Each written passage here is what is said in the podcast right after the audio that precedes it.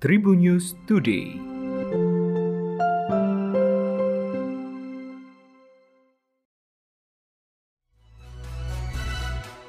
Halo Tribuners, berjumpa kembali dengan Tribun News Today. Sejumlah informasi dihadirkan untuk Anda. Yang pertama informasi dari nasional.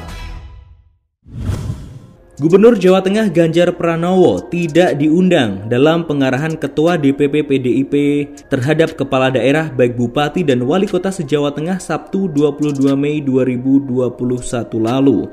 Ratusan peserta hadir secara daring dan virtual, namun tidak ada nama Ganjar Pranowo dalam daftar tamu tersebut.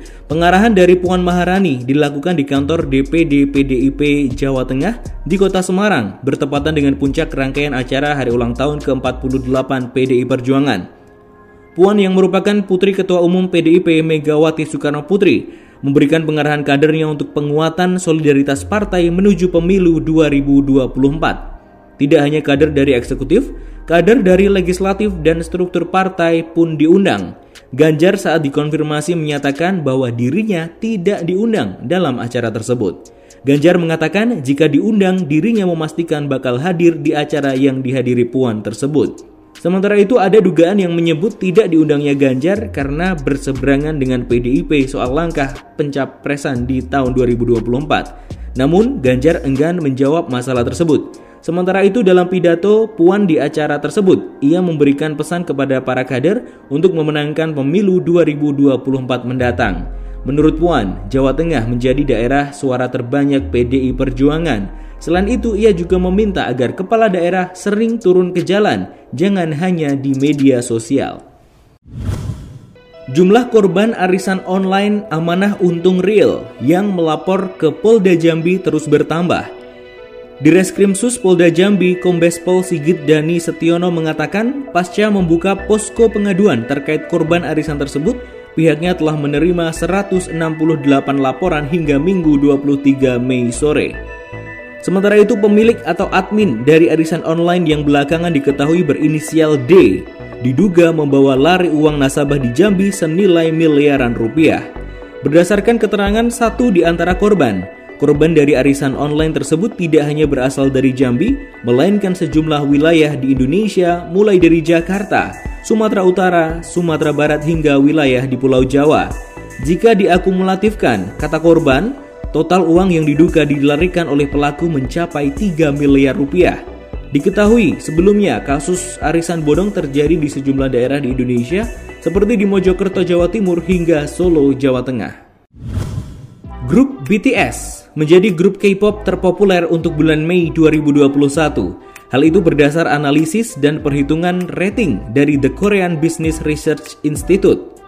Pemeringkatan ditentukan melalui analisis partisipasi konsumen, liputan media, interaksi, dan indeks kesadaran masyarakat dari berbagai grup idola menggunakan data besar yang dikumpulkan dari 23 April hingga 23 Mei 2021. BTS menduduki puncak daftar untuk bulan Mei dengan indeks reputasi brand sebesar 12.309.891. Analisis positif negatif BTS juga mengungkapkan skor reaksi positif 70,36%. Sementara itu posisi kedua diduduki oleh Brave Girls. Brave Girls memiliki indeks reputasi merek sebesar 4.894.908 Adapun posisi ketiga diduduki oleh Blackpink dengan skor total 3.447.439 untuk bulan ini. Bek muda keturunan Indonesia Elkan Bagot batal memperkuat timnas di rangkaian uji coba dan lanjutan kualifikasi Piala Dunia 2022 di Uni Emirat Arab. Posisi Elkan Bagot digantikan bek Persebaya Surabaya Arif Satria Kabar pemanggilan Arif Satria ke timnas Indonesia didapat dari sekretaris tim Bajul Ijo, Ram Suharman. Arif Satria dikabarkan akan terbang ke Dubai untuk menyusul rekan-rekannya.